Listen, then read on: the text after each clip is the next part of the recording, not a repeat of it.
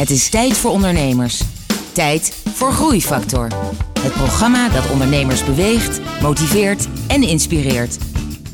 Hier is Kees de Jong, groeiondernemer en verbonden aan NL Groeit.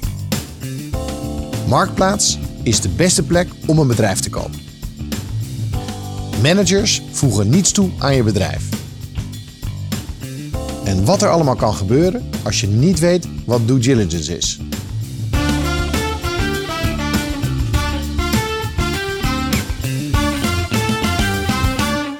Welkom bij Groeifactor. Ik spreek vandaag met René Bansma. René, jij bent van het bedrijf Xenosite. Klopt. Leg kort even uit wat Xenosite is. Xenosite is een, eh, eh, is een kleine Tele2. Dus wat wij doen is wij kopen een infrastructuur. Kopen we in van onder andere KPN. Die hebben de kabels in de grond. En wij zorgen daarvoor dat over die kabels onze, internetdienst eh, wordt geleverd. En dan als we ook een beetje kijken in de, in, de, ja, in de markt, dan zie je een heel duidelijke tweedeling. Ja, dus je hebt echt of hele grote bedrijven, zoals een KPN en, en een Tele2. Ja, en er bestaat eigenlijk geen middenmoot. En wat ja. de middenmoot wordt eigenlijk altijd verkocht. En net zoals ook, uh, uh, net zoals ook Xenozite. Maar uiteindelijk is het wel heel gaaf om toch te zien dat, dat, dat Xenozite, denk ik, een heel groot gedeelte van de, van de pintransacties bijvoorbeeld verwerkt bij bijvoorbeeld grote retailketens. Oké. Okay. Hey, de mensen hebben inmiddels gehoord dat jij uit het noorden van het land uh, komt. Echt? Drachten, Friesland. Ja, ja, ja. ja. Um, en ik denk ook wel dat het goed is om te zeggen dat jij inmiddels geen eigenaar meer bent van het bedrijf. Klopt. Jij hebt het verkocht. Ja. Ik, ik, zit tegenover een ondernemer in bonus, zoals ze dat noemen. Klopt ook. dus ik zie, je, ja. ik zie de glimlach op je gezicht. Uh, jij hebt Xenosite opgebouwd. Nou, je hebt het gekocht. Daar gaan we het straks over hebben. In 2005. Je hebt het laten groeien. Tot een miljoen of 12, 13 omzet. Ja. met maar 20 man. Ja. En daarbij een winst. ja, ik weet niet of ik dat mag noemen. Maar een winst waar heel veel ondernemers jaloers op zouden zijn. Dus je hebt wel echt wel iets heel moois gedaan. 100% klopt. Ja. ja. En, en, en inmiddels, nou, je werkt er nog. Je zit in een soort earn-out constructie. Ja. Maar je hebt ja, afgelopen tien jaar echt wel een soort van kleine home run geslagen. Ja. Het gaat om ondernemerschap. Had je dat uitgedacht? Nee, nee, absoluut niet. Nee, nee we hebben uh, Xenosite hebben wij gekocht in 2005. En dat hebben we eigenlijk ook gekocht omdat wij vanuit ons vorige bedrijf, wat, uh, wat een webdesign deed, eigenlijk ja, uh, te veel geld hadden. Ja. Dus op een gegeven moment was ik op een. Uh, een vervelend probleem is dat. Ja, ja, ja op, op zich wel. Want, want, want je gaat je op een gegeven moment vervelen. En wij waren uh, op, uh, op een gegeven moment waren we bij een, bij een haringparty. Ook een beetje Fries in, in, in Friesland georganiseerd vanuit, vanuit de Rabobank. Ja. En daar sprak ik ook met de ondernemer. En zei van nou René, wat doe je nu? Nou, ik zei, we staan een beetje stil, want we hebben eigenlijk geld. We zijn een beetje verwend, maar wij willen een bedrijf kopen, maar wij weten niet hoe. Ja. En toen zei die man tegen ons van ja, zei die marktplaats. Ja, en ik vond dat op ja, ik vond het gewoon een heel raar verhaal. Ja, zei, waarom niet? Dus ik zat op een gegeven moment thuis en ik denk, maar ja. hoe bedoelde hij marktplaats? Ja, om op, op marktplaats te zoeken om een bedrijf te om, kopen? exact, exact, ja. Oh ja, dat is een raar idee. Vond ik ook, vond ik ook. Maar ja, die man die had veel ervaring in een, uh, in een Porsche 911. Dus ik denk, ja, en ik, hij weet het. Dus toen ik die avond op, uh, uh, op bedrijven te kopen een advertentie geplaatst van gezocht bedrijf te koop. Uh, in de hosting, in de data connectivity, iets met internet en een abonnement. En op dat moment liep ik ook, uh, ook nog stage. En ik weet nog heel goed, ik stond op het station van, uh, van Utrecht. En toen werd ik gebeld uh, door de oud-eigenaar dus nu van, van Xenosite. Ja. En die had zijn bedrijf te koop. Dus toen ben ik samen met mijn compagnon zijn we naar Utrecht af, afgereisd. En toen hebben we Xenosite hebben wij gekocht, puur voor de hosting business. Ja. En wij hebben geen boekenonderzoek gedaan. Uh, ja, wij was 100% gewoon vertrouwen. Echt een beetje misschien een beetje, ja, een beetje Friese boerenmentaliteit. Dat vind ik, ja, het zal wel kloppen. Dat gekocht samen met, uh, met het geld van de bank. Ja. En dat ging echt ja, op de kop verkeerd. Hoe bedoel je, ging op de kop verkeerd? Er zat allemaal schulden zaten erin. Uh, bedrijven betaalden hun rekeningen niet. Uh, het model klopte niet. En wat, dus, je, wat jij net zei in het, in het voorgesprekje. Toen zei, toen zei je van, we zaten bij de bank. En toen uh, vroegen ze aan jou, hebben jullie due diligence gedaan? Hmm. Ja, ja, als je op die vraag wist ik niet echt een antwoord, want ik had nog nooit van die term gehoord. ja. Want hebben... En voor de luisteraars die niet weten wat het is, dat is inderdaad dat je boekenonderzoek ja. doet. Ja. Wat, wat, hè, als je een bedrijf koopt, lijkt me dat soort van logisch. 100% En daarna hebben wij vaak wel boekonderzoek gedaan naar bedrijven die het daarna hebben gekocht. Maar dat hebben bij deze hebben we dat ja, niet, niet gedaan. Want ja, wij wisten niet anders dan een winst- en verliesrekening uh, ja. lezen. Dus we hebben daar nooit naar, uh, naar gekeken. Uh, en dat was ook wel ja, het moment waar, waarop wij heel erg beseften dat ja, wij moesten onze leveranciers gaan betalen. En hadden één iemand hadden wij in dienst. Ja, en ja, het moest gewoon doorgaan. Ja. Ik denk dat ik op dat moment ook privé best wel een schuld had getekend bij de Rabobank. Want we dachten, ja, het, gaat, het, het gaat wel goed. Maar het ging dus niet goed. dus op een gegeven moment uh, kregen wij een rekening binnen van, een, uh, van de leverancier. Uh, en de omschrijving was DSL. En die post was vrij hoog. Ja. Dus ik belde toen mijn kampioen op. Ik zei, wat is DSL? Hij zei, dit is hetzelfde wat je thuis hebt. Dat is een soort cello. Hij zei, dan over een koperdraadje van KPN. Nou, ik zei, dan gaan we dat verkopen. Dat was eigenlijk zeg maar stap 1. Dat wij Xenos hebben omgetild van een hostingbedrijf naar een bedrijf in de, in de connectivity. Ja, en, en waarom zei je, dan gaan we dat verkopen? Ja, omdat het bedrag heel hoog was. Ja. En ik wist niet wat het was. Dus ik denk, als ik niet weet wat het is, is het zeg maar vrij iets unieks. Ja. En achteraf blijkt het ook wel. Want als je nou maar kijkt in Nederland naar het aantal bedrijven wat een zelfstandig netwerk heeft gekoppeld aan ja. KPN, ja. dat zijn er niet zoveel. Ja. Dit is nu al een leuk verhaal voor de luisteraar, weet je dat? Want ik zit hier tegenover een blije ondernemer die net voor een enorm bedrag zijn bedrijf heeft verkocht. Uh, die, die, die ergens is ingestapt zonder boekenonderzoek te doen, zonder dat hij precies weet wat hij kocht. Ja. Een bedrijf via Marktplaats. Ja, ja klopt. Ja. dus ik denk dat we nog een stapje terug moeten gaan. Want jij zei daarvoor hadden we een soort websitebedrijfje. Laten we eens beginnen. Uh, waar zat je op school en, en, en hoe ben je, je je eerste bedrijf begonnen? Mijn eerste bedrijf begon eigenlijk vanuit frustratie. Ik werkte bij, de, bij de EDA. Uh, ja. Gewoon een beetje vakken vullen. En op een gegeven moment dacht ik als bijbaantje of? Ja, ja, ja, als, als, ja okay. als, als bijbaantje. Want ik wilde graag toch iets doen met studie. Ja. Uh, niet vanuit mezelf, maar eigenlijk meer om te laten zien aan mijn ouders dat ik uh, zeg maar ook wat kon. Dus achteraf totaal mislukt. Nou. Um, en op een gegeven moment heb ik, ja, ging, ik, ging ik stage lopen bij een bedrijf die nog geen website had. En mijn doel was eigenlijk ook daar mijn eerste website gaan, gaan bouwen. Oké. Okay. En wanneer spreken we nu? Welk jaar was het? ik denk jaar 2000, denk ik. Okay. Ja, ja. En toen op een gegeven moment uh, zat ik ook op de, op, de, op de HBO. En ik studeerde logistiek. En in hetzelfde pand waar ook de logistiekopleiding was, was ook de opleiding voor, uh, voor Pabo. En ik kon redelijk goed opschieten met die, met die meisjes die daar de Pabo deden. En wat wij, wat we toen deden, toen kochten wij templates van die schablonen kochten wij vanuit Amerika, kochten wij die. Mhm. En die gingen wij toen drukken in een echt heel mooi boekje. Hè? Een soort, soort Albelli fotoalbum. Echt een heel mooi luxe. En dat waren templates voor websites? Exact, templates ja. voor, voor websites. Dus dan hadden klanten, uh, of die meisjes hadden een boekje mee. En ging met het boekje ging dan naar die bedrijven toe en liet ja. het boekje achter. Zei van, nou, u kunt de website uitkiezen. Ik kom volgende week kom het boekje weer ophalen. Maar het was een heel luxe boekje en die meisjes waren ook gewoon heel leuk. Ja. Dus de volgende keer als die meisjes weer het boekje gaan ophalen, zei van, wilt u een website kopen? Ja, en 90% van de mensen zei van, ja, ik wil een website, want we konden hem gelijk eigenlijk uitkiezen. Ja. Omdat wij de website al hadden, ja, kon wij de website eigenlijk gelijk gaan uploaden. En dat waren eigenlijk die formats die je nu ziet als je een website maakt uh, in Wix of in WordPress. Uh, in, WordPress. Ja. Gewoon eigenlijk een standaard format voor ja. een website. Ja, klopt. Net zoals dat je een PowerPoint schabloon uitkiest. Ja, ja.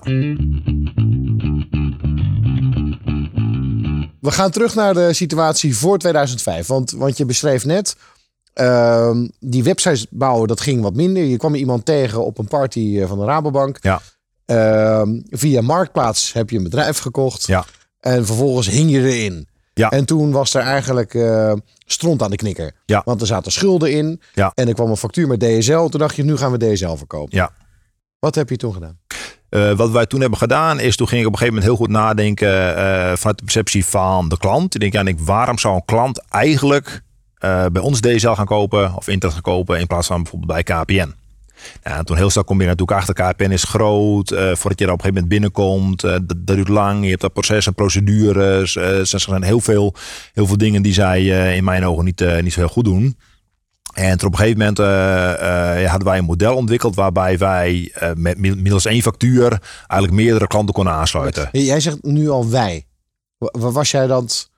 Uh, hoeveel mensen had je toen? Of, of zat je toen met een compagnon erin ook? Ja, ja, ja. En er zat toen al, een, eh, een compagnon in. En we hadden onze, onze, onze eerste medewerker Wilco, die nog steeds bij ons werkt. ja, wij waren eigenlijk met z'n tweeën runden wij de show. Okay. En mijn compagnon die is, die, die is technisch. En dus eigenlijk als het niet werkte, dan kwam hij aan het, aan het licht. Wilco is jouw compagnon? Nee, nee, nee. Jacob. Oh, Jacob. Ja, Jacob is jouw compagnon? Ja, ja, ja klopt. Ja. Wilco was onze, ja, onze, onze eerste, eerste, medewerker. Onze eerste okay. medewerker, ja. Ja. Dus uh, ga verder waar je, waar je gebleven was. Waar was ik gebleven? Ik was gebleven bij... Over jullie gingen product maken. Ja. Eh, met dat eh, DSL, Ja. dat KPN deed dat niet goed. En jullie hadden een Ja. visie hoe dat dan beter kon. Ja, klopt. Ja, ja, ja. Wij, hadden, wij hadden, hadden op een gegeven moment de visie dat, dat, dat eh, en toen was retail was toen ook vrij, eh, vrij populair. En nu, nu neemt retail een beetje af, maar eh, retail Nederland ging echt gewoon sky high. En wat je toen zag is dat je, ja, is, dat, dat, dat, ja het waren vaak ketens. Eh, Ketens of was, was eh, meerdere, meerdere vestigingen. En op het moment dat je dan bijvoorbeeld de dienst afnam bij bijvoorbeeld een grotere partij, was het ontzettend moeilijk eh, om bijvoorbeeld op, op één factuur te krijgen. En wat wij toen deden is, we hadden een, eh, een interface gebouwd, waardoor de IT-beheerder van bijvoorbeeld een, eh, een winkelketen, die kon inloggen in ons systeem, zat, zat de kaart van Nederland en zag bijvoorbeeld alle vestigingen bijvoorbeeld op de kaart van Nederland. Groen was de vestiging online, rood was je offline. En dan kon hij gewoon klikken op die vestiging en kon die vestiging bijvoorbeeld annuleren, kon die vestiging gaan, gaan verhuizen. Dat soort processen en procedures hebben voor die retailketens ontzettend makkelijk gemaakt. Ja. Want in de retail toen ook al, ja, je wist niet of een winkel ging lukken. Terwijl je vaak eh, wel een cont- contract moest afsluiten van drie jaar. Ja. En wij zeiden, dat hoeft bij ons niet. Eh, sluit maar aan wat je aansluit en sluit ook maar af wat je op een gegeven moment wil afsluiten. En op die manier hebben wij daar een model voor ontwikkeld eh, ja, dat voor die retailketens ontzettend interessant is. En toen zijn we ook nog een keer op, op vakantie geweest naar, naar Japan. En En wie is wij? Jij en je compagnon? ja, ja, en, en mijn compagnon. En toen eh, waren we daar volgens mij in een kroeg of zo. En ik moest betalen. En ik pakte mijn reguliere pinpas pakte ik. En die ging ik gewoon swipen. En toen ging je nog swipen. En die transactie was echt binnen, nou, binnen een seconde was die voltooid. En ik dacht, ik ben gescand. Maar ik kon ook niet praten met die Japanners niet. Dus ja, ik, en het ging ook niet om heel veel geld. Dus op een gegeven moment wij aangekomen in, in het hotel. En checkte ik mijn eh, eh, online via de bank. Nou, maar de transactie was keurig afgeschreven. Dus ik de volgende dag weer terug naar die winkel. En gewoon gekeken van hoe werkt het eigenlijk. En zag ik in die pinautomaat zag ik echt zo'n zo'n internetstekker zitten. Zeg maar, of een internetstekker in die pina- pinautomaat. Hè, Terwijl in Nederland, je had alleen hele grote winkelketens hadden dat. Zo bijvoorbeeld de Albert Heijn die had dat. Ja. Maar kleinere ketens, als je ging pinnen, stond er heel lang op van even geduld alstublieft. Ja. Dus ik op een gegeven moment terug in Nederland. En toen hebben wij eh, als enige, of als hele kleine partij, waren wij gecertificeerd voor pin over IP. Dus over onze lijnen kon je ook pinnen. En dat was qua timing toen ook geweldig. En, en, en waarom waren jullie gecertificeerd om dat te doen? En, en niet KPN of anderen? Ja, KPN was ook, ook gecertificeerd. De- Dus al de grote waren, waren gecertificeerd, maar, maar de kleinere niet. Omdat het certificeringsproces is enorm moeilijk. Want, je, want omdat je aan pintransacties gaat afhandelen, Ja. eh, ja, moet je bedrijf best wel een bepaalde body hebben. Procedures moeten goed. Het is een eh, ja, behoorlijk moeilijke certificering die op een gegeven moment Maar, doorloopt. maar dat had je dus wel op orde. Maar je was nog heel klein. Je had, je had maar een paar man. Ja, ja, ja. Ik denk dat wij er toen ook best wel goed doorheen zijn, eh, eh, zijn gegript natuurlijk. Ja. Hè, omdat wij ook en vanuit de Friese mentaliteit hebben wij misschien iets meer, ehm, ja, toch een beetje Calimero-effect. En, hè, want Currents moet ons gaan certificeren. Ja, en als je een KPN gaat certificeren of een Xenocide, ja, daar, daar horen gewoon denk ik ook andere criteria bij. Maar uiteindelijk, ja, met eh, ja, niet, niet, niet hakken over de sloot, maar het was echt een behoorlijk pittige certificeringstraject toch, eh, eh, toch gehaald. En wat wij toen deden is eh, bij KPN kocht jij internet plus pin. En terwijl de retailer had toen helemaal geen behoefte eigenlijk aan internet. Ja. Dus wij hebben dat product, product eigenlijk omgedraaid en we zeggen van nee, je hebt pin plus internet. Ja. En toen kregen we heel veel retailketens werden op een gegeven moment klant bij, eh, eh, bij ons. En, en noem eens een paar retailketens. Ja, onder andere ketens die via ons netwerk lopen zijn een, zijn een Brainwash, een Dolcis, Mintfield, Invito, Terstal, een Subway-vestiging hebben we aangesloten. Oké. Ja, Dus allemaal ja, gewoon, gewoon bekende ketens die in ieder dorp wel, eh, Ja. wel een vestiging hebben. Ja. Oké, dus jullie konden pinnen via IP, dus via het internet Ja, eh, protocol kon je aanbieden. En zo ben je heel erg gegroeid in dat segment. ja. Ja, want op dat, op dat moment konden wij ook vrij makkelijk deals maken met bijvoorbeeld een, eh, een CCV. En die verkoopt pinautomaten, maar die verkoopt geen pinline. Wij willen de lijn verkopen en CCV de automaat. Ja. Dus op die manier kun je heel snel daarin schakelen. Ja. En ik denk dat zo'n CCV eh, met de Xenos veel makkelijker een deal kan maken dan met een hele grote telco. En ehm, is dat hetgene, wanneer spreken we nu? Welke periode was dit? Dit was in het periode, de derde, waar we eigenlijk overgingen vanaf swipen naar, eh, naar dippen. En dat, eh, en dat er een chip kwam in je, Van swipen naar dippen, ja. in je pinpas. Dat is denk ik 2008 denk ik geweest. 2006, 7 en 8 denk ik, een beetje in die periode. Dus toen was je twee, drie jaar bezig met het nieuwe bedrijf. Ja, Wat deed je met het oude bedrijf eigenlijk? dat hebben we eigenlijk laten doodbloeden. Oké. Ja, dus had, achteraf hadden we dat moeten verkopen. Ah, op dat moment was het, ja, wij hebben gewoon één uur tijd. En dat uur moesten wij besteden eigenlijk om Xenocide op rit te krijgen. In plaats van geld eh, vangen voor het oude bedrijf. Maar dat is ook wel interessant, want je hebt 6000 sites gebouwd. Ja. Dat is eh, 6000 klanten. Ja. En toen dacht je van nou, laat ik maar stoppen. Ja, ja. ja nee, met kennis van nu is dat... Is dat ik denk dat is heel veel ondernemers nu in auto is zitten. het raar. Ah, Ja, nee, nee, 100%. hoe ja, kan je dat doen? Ja. ja, ja, hoe kan je dat doen? Ja, inderdaad, dom. Ja. Groeifactor is een initiatief van MKB Brandstof. Ga naar groeifactor.nl voor nog meer openhartige verhalen van inspirerende ondernemers. Groeifactor inspireert ondernemers. Eh, René, jij koos ervoor om uiteindelijk te gaan voor die groep van retail. Ja. Eh, was, eh, waarom was dat? Was dat een strategie? Was het toeval? Kreeg je heel veel vraag? Wat zat erachter? Ja, wij kregen, eh, wij kregen enorm veel vraag, dat sowieso. En wat ik eh, belangrijker vond, en dat is sowieso als ondernemer vind ik het heel belangrijk, is als iets ontzettend moeilijk is, heb je minder snel toetreders. En het eh, certificeren van je netwerk voor PIN over IP ja, is dermate moeilijk. Dat dacht ik van ja, dat kunnen minder, minder mensen kunnen dat. Hè. Onze, onze concurrenten zijn daar ook niet in geslaagd. En onze concurrent was een KPN. En waarom konden jullie dat dan wel? Dat is een goede vraag. Eh, ik denk puur ambitie, drive. Ja, wij wilden gewoon hoe dan ook winnen van KPN. Dat, dat, dat was een... Ja, haat is misschien een beetje een groot woord. Maar ja, we hadden zo'n aversie tegen KPN. Dat ik ja, dit, dit willen wij gewoon winnen. Hoe dan ook. Oké. Dus de hele team ja, had ook gewoon één doel. Dat moest gewoon klaar. Dat, dat, Ja. dat, niemand dacht erover na. Dat is eigenlijk wel een... eh, soms hoor je dat wel eens. Een, een B-hack. Zo'n Big Harry Audacious Goal. Ja, Eh, als je, nou, jullie waren een klein clubje ergens in eh, het noorden van het land. Ja. Een soort eh Gallië, bij wijze van ja, spreken. ja. En jullie hadden als, als, als, als droom verslaan van KPN. Ja. Eh, En dat, is, dat, dat geeft wel heel veel energie, kan ik me voorstellen. Ja, geeft, geeft heel, veel, heel veel energie. Ja. En daardoor is iedereen heeft ook, eh, ook het gezamenlijke doel een beetje. En want ik, ik weet ook nog heel goed, hè, de, eerste, eh, de eerste grotere kant die, wij, die we gingen binnenhalen, moesten wij een presentatie geven. En wij waren allemaal waren we aanwezig in de zaal. Dus Changeset was aanwezig, aanwezig in de zaal en ook nog twee andere partijen. En op een gegeven moment ja, kwamen wij er binnen. En ik was best wel zenuwachtig, want het was- echt mijn eerste grotere, grotere klant. En toen vroegen ze aan mij, ja ze, wil jij als eerste? Ik zei, nou nee, nee. Ik zei, ik kom net binnen, ik ben nog wat moe. Ik zei, laat anders eerst iemand anders maar. Want ja, ik wilde even kijken hoe die het deden. En Ja, ik hoe of het überhaupt gaat. Ja, ja, hoe het überhaupt gaat, zoiets. En die partij die hield een verhaal. En dat was echt gewoon, dat was fantastisch. Hè? Die had ook als slogan, had die eh, eh, service is geen afdeling, maar een mentaliteit. En die vond ik echt super.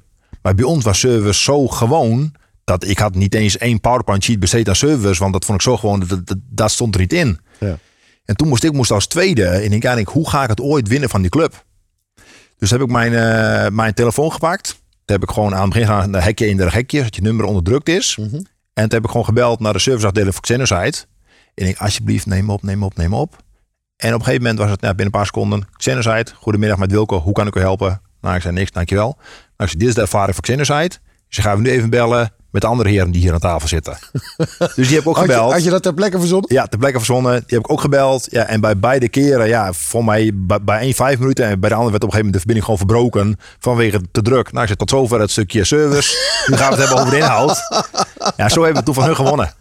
En dat is, dat is als, als kleine club is dat heerlijk om te doen. Want het wordt je ook gewoon vergeven door die grotere clubs. Dan denk je, ja, je moet iets. Ja. Wat een fantastisch verhaal. ja heerlijk. Ja, ja. En we gaan nog even naar die, eh, naar die, naar die periode. Je ging je focussen op retail. Ehm, maar je ging dus ook groeien. Dus je moest ook mensen aannemen. Ja. Hoe, hoe is dat bevallen? Van, eh, je was vrij klein. Op een gegeven moment werd je werkgever. Dan moest je, Ja. moest je gaan managen. Moest je HR dingen gaan doen. En eh, Ja. afdeling financiën. En, Ja. eh, er mo- moest een leaseauto komen misschien wel of niet. Of, eh, Ja. Ja, dat is, dat is eh, uiteindelijk, hè, als ik kijk zeg maar, naar, eh, eh, en naar groei en, en, en de mensen die je aanneemt in groei, eh, dat is ontzettend moeilijk. Terwijl ik nu heel goed van mezelf ook weet, ja, ik, ik ben echt een waarloze manager. Kan je nog een aantal dingen noemen in die, in die fase wat je, wat je moeilijk vond? Dus, dus het managen vond je moeilijk? Ja. Wat, wat vond je nog meer lastig? Ik vond, ik vond geld enorm, enorm lastig. Is dat je ehm, op het moment dat je groeit en je hebt gewoon één uur of één euro, dan moet je die zo goed mogelijk gaan inzetten. En in een groeiend bedrijf is dat denk ik echt gewoon meewerken aan de groei. Uh, en ook van de mensen en ook, en ook van, van, de, van, de, van de kanten die je, die aantrekt. Ja, en mogelijk minder ja, op fundamentele basisdingen, zoals bijvoorbeeld administratie. En wat, wat, wat dat eigenlijk achteraan loopt. En ja. want als je klein bent, dan kies je ook een, ook een boekhoudpakket wat eigenlijk past bij je grootte. Ja. En als je op een gegeven moment gaat groeien, ja, dan, dan, dan heb je echt hele andere, hele andere software. Je krijgt hele andere vragen. Uh, je bankrekening staat in één keer onder spanning. Ja, en, en, en ja, dan vergeet je rekening te betalen of, of, je, of je voorkast klopt niet. Dat, dat, is, dat is gewoon enorm spannend. En als je dan ook s'avonds wel eens, uh, ja, wel eens nadenkt van, ja, wat voor loon je, je nog moet betalen. Mm -hmm. Nou, dat is best wel een dingetje. Daar lig je wel eens wakker van. En veel minder dan dat je bijvoorbeeld uh, de belastingdienst kan betalen of, of, of, of, KPN. Heb je wel eens de lonen niet kunnen betalen? Nee. Daar heb je van wakker gelegen? Van, die, uh, van het niet kunnen betalen? Van, heb je van andere dingen in die tijd? Heb je wel eens gedacht van ja, dit, dit wordt gewoon te zwaar. Nu wil ik ermee stoppen. Heb je wel eens zo onder druk en onder stress gestaan dat je dacht van ja, dit is allemaal niet waard? Nee, eigenlijk nooit. Nee. nee, omdat ik ook denk dat hetgeen wat ik voel en ervaar, hebben andere mensen ook gewoon vaak ervaren. En als je dan de hand ook in, in de ring legt, ja, dan ben je juist geen winnaar. Ik denk hoe moeilijker het is, hoe leuker het is, want des te minder toetreders heb je, des minder, minder kans heb je. Ja, maar, maar jij wilde dus ook een winnaar zijn. Zat, dat zat wel een soort uh, vechtersbaas. Ja, extreem. Ja. In je. Ja. ja. En, en, en hoe komt dat? Waar, waar komt dat vandaan? Uiteindelijk denk ik dat het altijd een beetje te maken heeft met een stukje opvoeding, denk ik. Ik denk, uh, ik denk mensen die op een gegeven moment zo gretig zijn. Ik denk dat, dat, die, ja, dat die in hun jeugd ja, voelen die hun niet gezien of die krijgen geen aandacht. Ik denk dat het bijna altijd daarmee te maken heeft. En ja. ik denk ook bij mij, uh, daar natuurlijk ook zeggen, als ik kijk naar mijn jeugd, dat is echt gewoon dikke tien. Uh, en dat het probleem ook meer bij jezelf zit. Maar ik geloof wel dat dat, en dat, dat niet gezien worden in je jeugd, dat soort dingen wel zorgt voor echt een enorme, enorme drive. Ja. Ja. En want toen wij Xander zei, ik denk we hadden 6 miljoen. En toen zat ik een keer bij mijn ouders en toen zei mijn vader dan tegen mij van ja, nee, waarom zoek ik niet een keer een baan? en toen dacht ik van oh, het, ga, ja, het gaat op zich wel goed. Maar omdat hij natuurlijk ook niet begrijpt wat wij doen, Ja, begrijp, ja, begrijp ik hem ook wel. ja.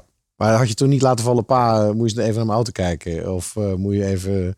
Wij doen 6 miljoen omzet uh, inmiddels. Ja, ja, dat klopt. Dat wel. Hè. Dus op een gegeven moment hadden wij Ja. ook een beetje een soort uh, vergelijking. Dus. Dan moest mijn vader ook zijn jaarrekening laten zien en, uh, en ik mijn jaarrekening. Ja, en als ik dan beter scoorde, ja, sliep ik toch wel weer een week Dan, heerlijk. dan hoeft hij je studie niet meer af te maken. ja, inderdaad. Ja, ja, van ja, ja, ja, ja, Maar dat is volgens mij dan wel een thema. Het feit dat hij ook ondernemer was. ja. Zit daar ook een soort eh, drive in dat je die wilde nou, verslaan? Of... Niet per se verslaan, denk ik. Uh, ik denk wel gewoon laten zien. En ik denk ook dat als we kijken naar de, naar de, uh, ja, naar de opvoeding, ja, daar zit ook gewoon een rode draad in. Uh, ja, van alles eigenlijk zelf doen. Ja, zie, ik, ik denk zie uiteindelijk iemand zijn grootste kracht is vaak ook zijn grootste zwakte. En dus dit is misschien wel mijn grootste zwakte, maar daarmee ook automatisch ook weer mijn grootste kracht. Ik had, achteraf heb ik vaker uh, cursussen moeten nemen, denk ik. Vaker um, um, ja, echt met mensen praten. Want in die tussentijd heb ik enorm veel boeken wel gelezen over, uh, over eigenlijk allemaal onderwerpen. Zeg maar, van psychologie tot aan marketing, sales. Ja, eigenlijk okay. gewoon heel erg, heel erg divers. Maar ik had weinig echt één op één gesproken met, met ondernemers die ik niet ken. Eigenlijk alleen met ondernemers die je al kent. Ja. En dan ga je bijvoorbeeld ook op wintersport. En maar omdat je ze kent vanuit de vriendschap en dan ondernemer, is het anders dan dat het contact begint met ondernemer en dan misschien vriendschap wordt. Ja. ja. En dat heb je later wel gedaan? Ik heb later wel veel meer cursussen gevolgd, ja. Je vertelde over cursussen. Wat, wat heb je gedaan? De laatste cursus heb ik gedaan, dat was uh, Go Fast Forward. Mm -hmm. En dat gaat inderdaad ook over ja, hoe kun je je bedrijf snel laten groeien. Um, en welke pijnpunten kom je daarbij uh, bij tegen. En daarbij is de inhoud van de cursus echt, echt top. Uh, meer belangrijk vind ik wel is dat, dat je daar echt één op één met ondernemers spreekt. En dan merk je ook wel dat eigenlijk iedere ondernemer, die zit eigenlijk gewoon met hetzelfde. Met hetzelfde probleem, met hetzelfde dilemma. En puur daarover spreken en het feit dat je niet alleen dat probleem heeft, hebt, ja, zorgt al voor, een, uh, ja, voor wat meer rust. Um, waarom heb je je bedrijf eigenlijk verkocht? Dat heeft denk ik te maken met een stukje, eh, een stukje fase in jezelf. Ik ben uh, onlangs getrouwd en ik heb nu ook, een, uh, nu ook een dochtertje. En het combineren van de manier waarop, waarop ik onderneem, dat is best wel binair. Hè? Dus, dus, dat is aan of uit? Ja, dat gaat, ja, dat gaat best wel extreem. Ja. En uiteindelijk zie ik, ik geloof niet in een stand-by ondernemer. Hè? Want stand-by, er brandt er wel lichtje, maar je hebt geen beeld. Hè? En dat kost wel stroom. Dus dat, ja, dus dat moet je nooit doen. En je moet aan of uit. Ja. En aan is voor jou gewoon 80 uur per week? Ja. Gewoon uh, niet thuis eten, vol doorgaan. Vol doorgaan, ja. Ja, ja. ja klopt. Ja, dus eigenlijk, is ook... eigenlijk heeft jouw vrouw gewoon gezegd van joh, uh, René, wacht eens even. Ja, ja, ja, ja, ja, ja, ja. ja. Luistert ze mee? Nee, ik, ik, uh, nee, en die keuze heb ik wel voor, wel voor mezelf gemaakt. Want ik geloof er ook in dat, dat ondernemers hebben heel veel te danken hè, als, ze, als ze getrouwd zijn aan hun vrouw. Ja. En want als ondernemer, ik ben ook niet heel makkelijk. Dus de rest moet er ook wel mee om kunnen gaan. Ja. Maar um, nog even over dat stand-by, aan of uit. Nu zit je dan hè, nog in jouw uh, earn-out periode. Ja. Je hebt je bedrijf verkocht. Ja. Eigenlijk uh, geld op, op de bank, als ik dat zo plat mag zeggen. Ja. Uh, je hebt nog even te gaan, maar dat is. maar daarna wacht dan waarschijnlijk het grote zwarte gat. Daar ben ik ook bang voor. Hoe bereid je je, daar, bereid je, je al voor daarop? Op wat er volgend jaar dan staat te wachten voor jou? Ik ben inderdaad wel aan het kijken van ja, wat, ga, wat ga ik nu doen? Uh, en ook waarom ik ga dat gaan doen. En het moeilijke daarbij is, is dat achter Xenus zat geen plan. En wij hadden op een gegeven moment wij hadden wel een strategie. Maar de strategie was eigenlijk gewoon een vertaling van wat we al deden. Ja. En de strategie was niet uitgedacht. Ja. En als je nu iets nieuws gaat beginnen, dan ga je, denk ik, uh, die strategie van tevoren bepalen. En een bepaalde markt uitzetten, een bepaalde markt uitkiezen. Dus vanuit een hele andere blik ga je erin. En misschien is soms uh, meer ervaring en meer kennis soms ook wel remmend. Ja. Want hoe meer je weet, hoe meer risico je ook weet, Ja. des te meer je daarop gaat sturen. Ja. Want wij zijn op een gegeven moment ook, hadden wij uh, een klein akkefietje met KPN. En toen uh, reed ik bij de klant vandaan. En dan zag ik op een gegeven moment zag ik allemaal mensen en die zaten daar te graven. Dus ik stop, ik zeg, wat doen jullie? Ja, ze wij leggen glas aan. Dus ik kijk eens naar die mensen. Ik zeg, maar, ik zeg maar hoe werkt het dan? Ja, zeiden wij graven gewoon een geul en daar doen wij een kabel in. En ik, ja, denk, ja, het is ook niet, ook niet zo heel erg moeilijk niet. Dus ik op een gegeven moment uh, uh, heb ik gewoon gekeken in onze database. En er bleek te zijn dat we hadden zes klanten, hadden wij op één, één energieterrein. Dus ik ben langs die klant gegaan. Ik zei, nou, ik zei, je hebt nu een 10 Mbit verbinding. Wat als je van mij 100 Mbit verbinding krijgt tegen hetzelfde tarief? Zou je het dan doen? Die zei, ja, natuurlijk logisch. Dat is, je hebt tien keer zoveel voor hetzelfde. Ja, natuurlijk, waar moet ik tekenen? Dus hebben we op een gegeven moment al die klanten opgetekend. Uh, en toen hebben we zelf ook glas aangelegd. Maar puur met de kennis van ja, hoe moeilijk kan het zijn? Dat was op een gegeven moment, uh, uh, kregen we op dat energieterrein, kregen we op een gegeven moment 20 aansluitingen. En dat was echt gewoon gouden business. Want je had geen inkoop meer bij KPN. En we hadden het geld, konden we gewoon lenen bij de, bij de bank, rentepercentage. Dat kwam gewoon uit. Dus toen dacht ik van, nou, wij hebben gewoon echt gewoon goud in handen. Waarom doet niemand anders dat? Dus vanaf dat moment hebben we hetzelfde concept toegepast op vier andere energieterreinen. En toen wij daar eigenlijk alles hadden verkocht, toen kwam de gemeente Amsterdam, dat was ons eerste treintje, kwam op een gegeven moment met een met, met rekening voor, ja, voor leges en, en, en ja, allemaal ja, dingen vanuit de gemeente. Moesten wij drie ton betalen, omdat we dus in de grond van de gemeente Amsterdam zitten. Dat was niet meegenomen in de business case. Dus achteraf ja, kon het totaal niet uit. Nee. Maar omdat we al vier andere treinen ook al hadden beloofd daar ook te gaan graven, verwachten wij daar dus ook een rekening van. Wel minder als de gemeente Amsterdam, maar ook nog een naheffing voor ook de leges. Dus dan gingen we echt gewoon maximaal, maximaal down the drain. Maar het voordeel is wel ja, uh, uh, dat, dat we dat nu wisten. En toen hebben we op een gegeven moment gewoon veel, veel meer bedrijven daar ook op aangesloten. En het is nu wel een winstgevende activiteit. Maar ja, had ik dat van tevoren geweten, had ik het niet gedaan. Ja. dus jij bent bang. Een mooi verhaal trouwens. Maar jij bent bang inderdaad. Dus dat je te veel laat leiden inderdaad door... De risico's. Ja, ja. Want dat je dat beetje, dat onbezonnene, dat je dat dan, uh, dat je dat dan verliest. Ja. René, je hebt heel veel meegemaakt in een hele korte tijd. Je bent 37. Um, als je nou terugkijkt naar je eigen carrière, welke adviezen zou je jezelf dan hebben gegeven? En eigenlijk zijn het ook adviezen voor, de, voor onze luisteraars. Meest belangrijke vind ik, wat wij ook hebben gedaan, is bij iedere uitgave die wij deden bij het bedrijf, hebben wij bij ons heel goed afgevraagd, uh, ja, is de klant hiervoor bereid te betalen? Want direct of indirect betaalt je klant eigenlijk voor alles. En voor je auto, voor je woning, ja, Ja. voor eigenlijk alles. En als je klant er niet bereid is voor te betalen, ja, dan dachten wij wel twee keer na voordat wij geld gingen uitgeven of een investering zouden, Oké. zouden doen. Dat vind ik een hele mooie concrete. Ja. Wat zou je tegen jezelf hebben gezegd? Geen manager aannemen, dat zou ik ook nooit doen. Dat is dat, wij hebben ooit wel een manager aangenomen. Dat is ook niet heel goed gegaan. Uiteindelijk managers voegen niks toe. Wat is misgegaan dan met die manager? Ja, is dat hij moest managen. En ik denk, ja, als je wil managen, ja, als je mensen wil managen die kennis hebben, meer kennis als de manager, ja, gaat dat denk ik niet goed. En hoe heb je dat dan opgelost zonder manager? Eh, door de teams veel meer zelfsturend te laten gaan, veel meer verantwoordelijkheid geven, eh, veel meer autonomie. Die, die mogen alles, alles gewoon bepalen. En soms kwam ik wel gewoon op kantoor en hadden we in één keer een compleet nieuwe website. En die had ik niet bedacht, maar hun zeiden van, ja, dit moet het worden, want dit willen onze klanten. En wij zijn afhankelijk van de klanten. Dus als klanten dat willen, en dat willen wij als organisatie willen daar ook naartoe. En dat is denk ik een, ja, een, een dingetje.